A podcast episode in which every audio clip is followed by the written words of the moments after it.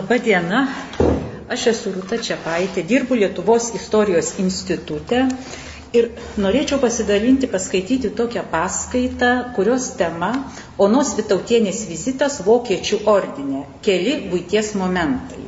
1400 metais Liepos mėnesį Vytauto žmona Ona lankėsi Vokiečių ordinė.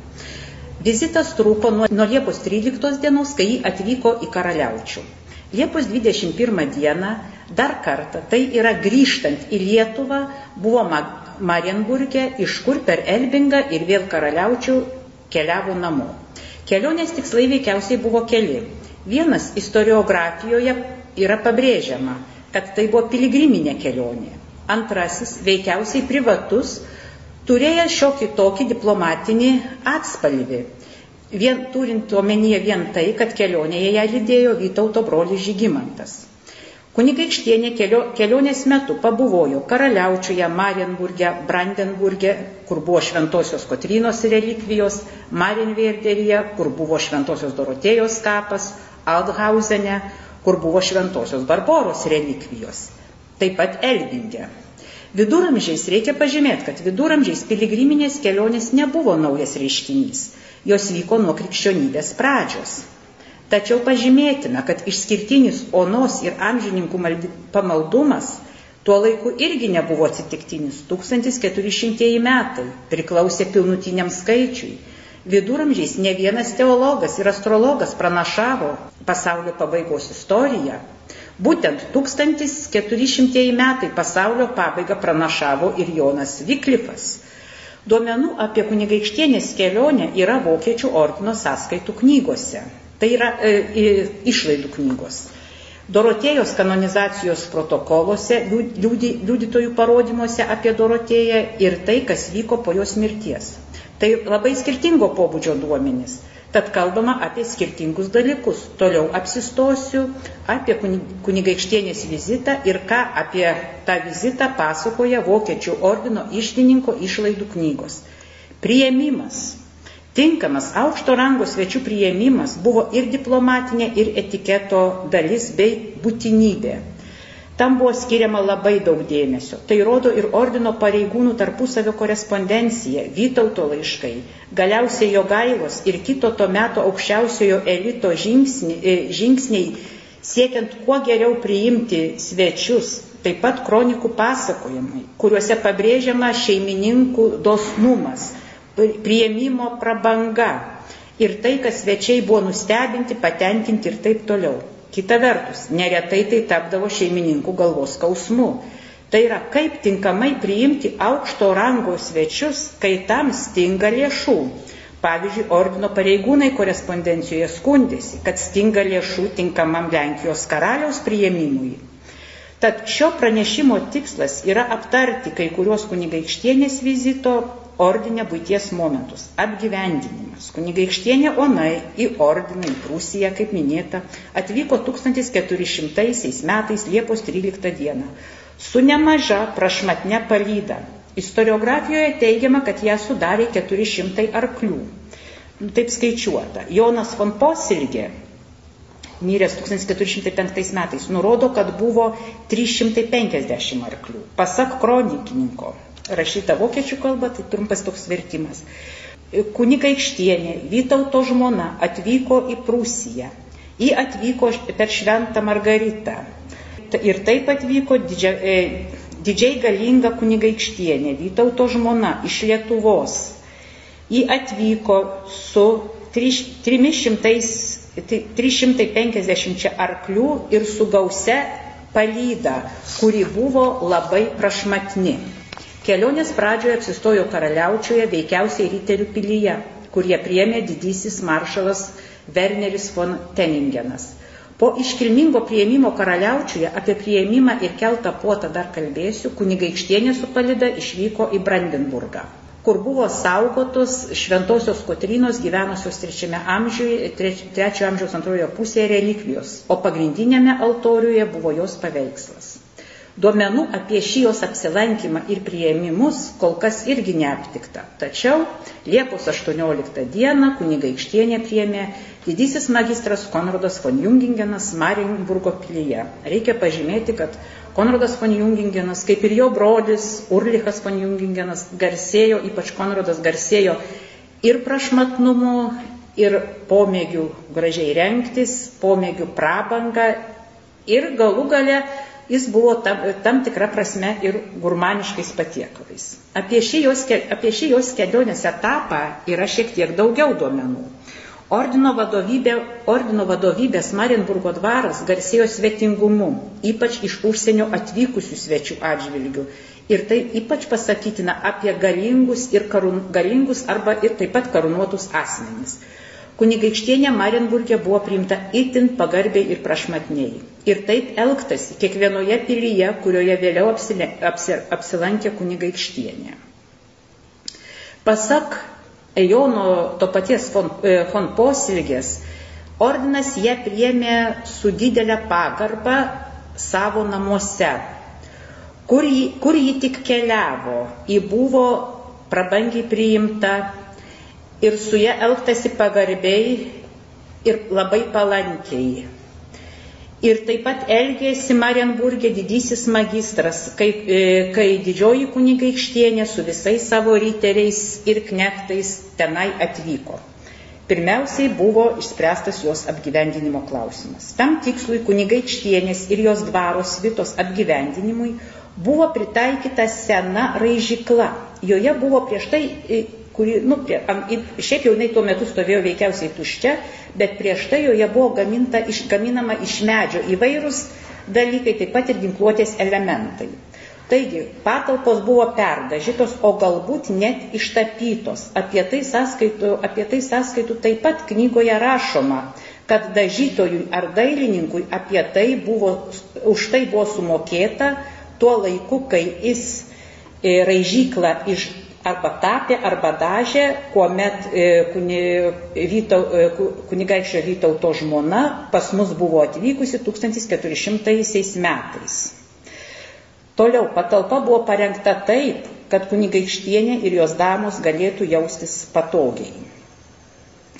Pačia, e, per patį prieimimą Liepos 18 dieną kunigaikštienė dalyvavo didžiojo magistro koplyčioje vykusiuose pamaldos, e, surinktose švento, iškilmingose šventose mišiuose. Pamaldų metu gėdojo scholiarų choras. Už tai jiems už gėdojimą jie buvo apmokėti. Jiems buvo skirta, o, o Vokiečių ordino išlaidų knygoje rašyta, kad kiekvienam buvo skirta po du šekelius, kurie šventos Margaritos dieną koplyčioje, kurios, e, per šventasis mišes, kuriuose vado, dalyvavo didysis magistras ir, kunigaikšti, ir kunigaikštienė Vytauto žmona gėdojo. Gali būti, kad tuo metu grojo vargonai. Ir istoriografijoje daroma prielaida, kad ko gero vargon, vargonų muzika kunigaikštieniai patiko. Nes, kaip gerai žinome, 1408 metais didysis magistras jai padovanojo klavikordą. Tai yra smu, tokie nedideli vargonėliai. Pačios puotos prieimimai. Stinga šaltinių nusakyti, kaip konkrečiai atrodė aukščiausių ordino pareigūnų kunigaikštienės garbiai renktos puotos. Tai turiu galvoje ne tik didysis magistras, bet ir maršalai. Tai pasakytina apie karaliaučioje didžiojo maršalo Wernerio Fonteningeno jos garbiai iškeltą puotą bei kitas puotas. Kiek daugiau duomenų apie jos vizitą Mar yra Marienburgė. Tad apie puotas galimas tik labai hipotetinis svarstymas remiantis Vokiečių ordino išlaidų knygose, knygoje fiksuotomis išlaidomis susijusiomis su jos vizitu bei Heroldo ir poeto Peterio Šuhenvirto aprašyta Tai iškia lyginamasis būtų lyg, palyginimas tokiu atveju būtų, tai lyginam su tūks aprašyta puota, kuri vyko 1377 metais karaliaučiuje, veikiausiai priimant hercogą Albrechtą III, kuris kaip tik vyko į reis arba į karo žygį į Žemaitiją, o būtent minėtasis Heroldas jį lydėjo.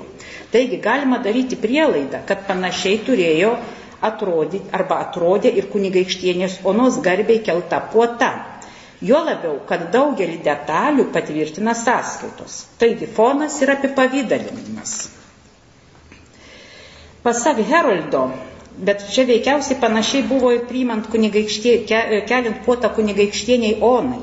Garsus trombonų ir fleitų grojimas pasigirzdavo prieš įnešant kiekvieną patiekalą, kurį kartą tarnai neša, kuri tarnai neša ilgą auksinių indų eilę ir iš jų sklinda prieskonių aromatas, pakep, pakepinti, iškelti ant stalo, sustatyti, atitinkamai kiekvienam valgiui, atitinkamai kiekvienam valgiui.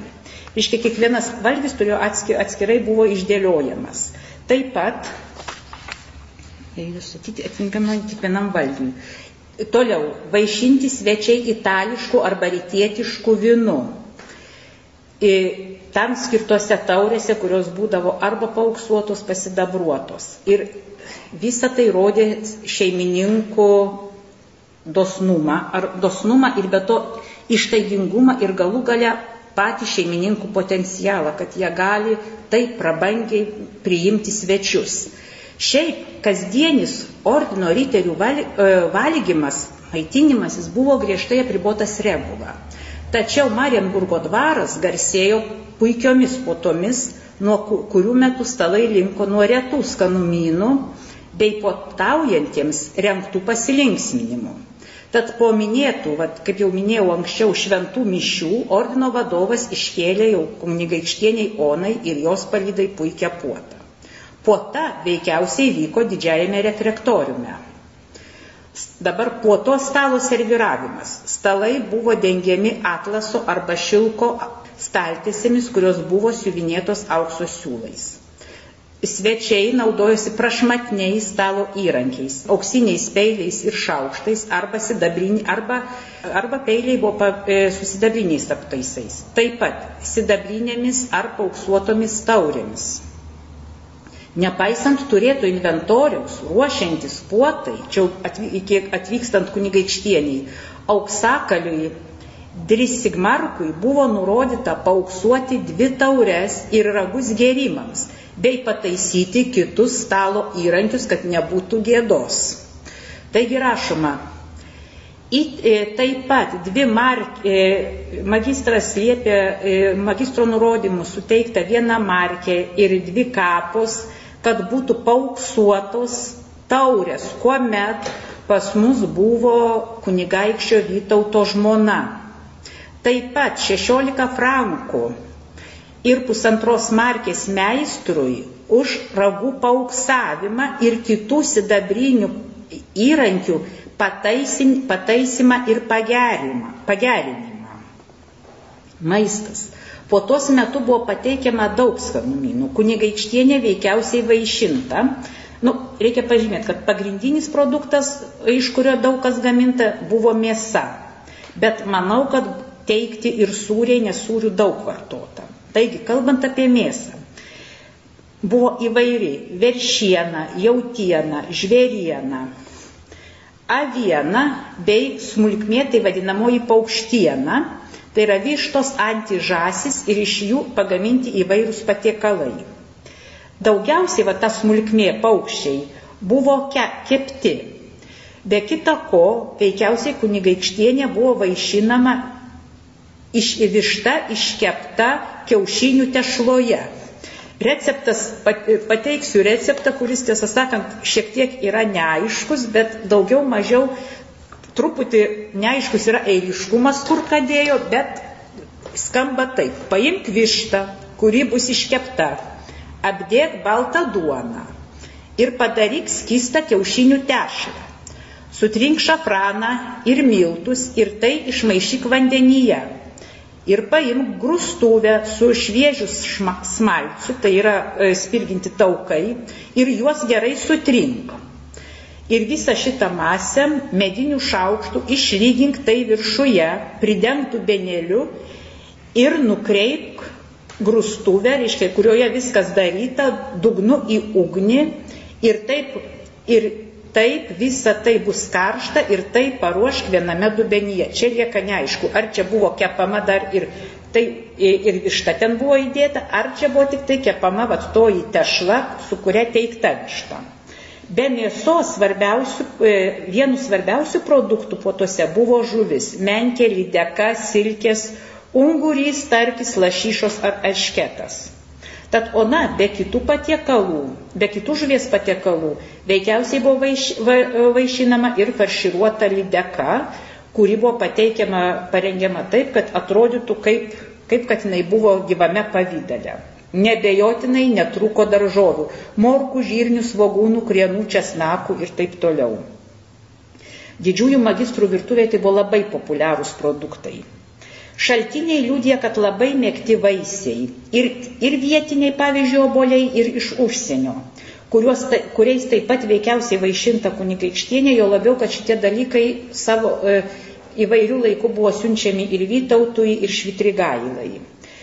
Taigi, dar vienose sąskaitų knygose liūdija, e, įrašas liūdija, kad laukiant kunigaikštienės prie, e, prieš pat 1400 metų birželio 24 dieną didžiajam maršalui Werneriui von Tettingenui buvo atsiųsta dviejų, kaip minėjau, Tetingenas buvo vienas iš tų, kuris pirmiau priemė kunigaikštienę net negu didysis magistras. Buvo atsiųsta dviejų rūšių razinų, pintinė figų, keturi akmenys, tai yra apie 2 kg migdolų, penki akmenys, tai yra apie 3 kg ryžių. Be minėtų produktų kunigaikštienės stalui arba vaišėmis buvo pasirūpinta cukrumi, šafranų, garstyčiomis. Žinoma, buvo patiekė, patiekiami piragai, pavyzdžiui, keksai ir kiti saldumynai, pavyzdžiui, kepti oboliai su saldžiu įrašu. Ir jokia puota neapsėdavo be specialių saldumynų, o jų daug apskritai atsisiųsdavo Konradas von Jungingenas. E, tai buvo cukrumi padengtos anyžių sėklos, e, kubebinio pipyro vaisiai, kalendros vaisiai, kardamono sėklos ir cinamonų žėlės gabalėliai. Čia reikia pažymėti, kad šitie dalykai buvo vartoti ir gydimo tikslais. Nebejotinai patiektos buvo ogienės, marmaladas bei cukruoti vaisiai. Gėrimai. Jokia puota neapseidavo be gėrimų. Tai buvo vinai ir midus. Rinktinius vinus didysis magistras užsakydavo iš Ispanijos, Portugalijos, Vengrijos, Graikijos, Italijos. Galimas dalykas, galimas dalykas kad kunigaikštienė vaišino itališkais vinais. Arba jie jai labai patiko, nes vėliau Tai yra 1407 metais didysis magistras balandžio mėnesį dovanų jai atsiuntė statinę itin brangaus itališko vyno. Gali, galbūt, buvo, galbūt e, buvo vaišinama ir jai patiko vynas vadinamas Rainfali. Jo apie šimtą litrų jai nusiuntė didysis magistras 1408 metais. E, ypatingai populiarus buvo midus. Reikia pažymėti, kad jo buvo trys rūšis midaus. Midaus silpnas, vidutinis, stiprus. Taigi, Liepos 18 dieną, kada Marburg, e, Marburgė Ona ir jos atvoreikiams už 10 smarkių buvo nupirkta 12 statinių midaus. Ir tai buvo tikrai, jau e, e, suma, sumokėta suma rodo, kad tai buvo itin geros kokybės midus. Ir čia galima manyti, kad ko gero tai buvo e, midus vidutinio stiprumo, nes, nes jeigu būdavo silpnas ar stiprus, tai būdavo šaltiniuose įrašoma. Po tos aplinka ir fonas. Tai buvo triukšmingas įvykis. Puotos vykdavo dalyvaujant dainininkams, muzikantams, šokėjams, žonglieriams, juokdariams, nikštukams arba neužaugoms. Veikiausiai Ona ir jos svita po tos metu klausėsi didžiojo magistro orkestro, kuriame vyravo styginiai ir pučiamieji instrumentai. Muzikantai, muzikantai ko gero buvo vienodai aprengti ir turėjo groti, nuo puotos pradžios iki pabaigos. Čia reikia pažymėti, kad puotos trukdavo net gana ilgai arba netrumpai nuo 10 ryto iki vakaro. Neišvengiama dalis buvo dovanos. O pati Ona irgi garsėjo kaip mėgusi gražius ir prabangius dalykus. Tad ji ir jos jaunosios dvariškės buvo apdovanotos brangenybėmis bei pirštinėmis. Nu, tuo laiku tai yra sandūra 14-15 amžiaus. Pirštinaitės tai buvo aukščiausio politinio elito, kaip pasakius, e, aprangos elementas. Ir dar tik tai nuo 15 amžiaus jau artėjant prie 15 amžiaus vidurio šis elementas jau pateko į ne, žemesnio truputį rango didikų aprangą ar net e, kai kuriais atvejais ir į miestiečių. Tuo laiku tai buvo aukščiausio elito aprangos detalė. Tad kunigaikštieniai buvo e, padovanotos ir jos freilinom pirštinaitės, kurios buvo siuvinėtos brangiaisiais akmenimis. Kunigaikštieniai padovanotas ir žiedas, kainavęs 15 markių Jis pagamintas asmeniškai užsakius pagal, e, pagal asmeninį didžiojo magistro užsakymą. Veikiausiai jis buvo pagamintas iš aukso, kad iš aukso tai nebejotina, bet su brangiaisiais akmenimis. Čia turiu pasakyti, kad 15, žiedas už 15 markių tikrai buvo brangus. E, jeigu mes palygintume, kad geras žirgas kainavo, geras karinis žirgas kainavo nuo 7 iki 15 markių, tai 15, 15 markių kainuojantis žirgas iš tikrųjų buvo geras. Kunigaikštienės kelionė. 1400 m. Liepos 21 d. Ona su svita grįžo į Marienburgą, iškai jau apkeliavusi visas šventas vietas, ir jai vėl buvo iškelta, apkeliavus tas vietas, kur saugotos relikvijos, ir vėl jai buvo iškelta puota ir vėl buvo įteiktos dovanos. Tai buvo veikiausiai minėtos pauksuotos taurės ir sidabriniai stalo įrankiai, kurie, kaip minėta, buvo sutvarkyti, kad atitiktų keliamos potos lygį, bei brangenybės. Manoma, kad didysis magistras jai padovanojo 14 markių kainavusi žirgą. Grįždama į Lietuvą kunigaikštienė dar viešėjo Elbinge. Didysis maršalas jai padovanojo devynis auksinius žiedelius, keturi iš jų buvo su brangiaisiais akmenimis, penki papuošti dideliais perlais, bei, po, bei koralų papuošta kalavyje. Iš Elbingo kunigaikštienė nuvyko į karaliaučių, o didysis maršalas Werneris Fonteningenas vėl surengė puotą Liepos 19 dieną iš Torūnės jai buvo atsiųstos 39 peilių, e, peilių poros, kuriais veikiausiai savo naudojosi ir svečiai. Kunigaikštieniai ir jos veilinomis be to buvo padovanota 19 e, porų brangių pirštinių, bei pigesnių pirštinių, bei pauksuoti ar sidabriniai žiedeliai. Čia reikia pažymėti, kad dovanos priklausė nuo asmens statuso. Kuo aukštesnis asmuo, tuo prabangesnė dovana, žemesnio rango asmenimis buvo dovanojamos mažiau vertingos dovanos, nes buvo labai griežta dovanų hierarchija. Tai tiek norėjau ir papasakoti apie, kad ir neilgą, tačiau nebejotinai labai daug kainavusią Vokiečių ordinui ir magistrams kunigaikštienės kelionę į, prūs, į, į ordino žemės. Ačiū uždėmesi. Skaitė Rūta Čiapaitė, Lietuvos istorijos instituto mokslo darbuotoja.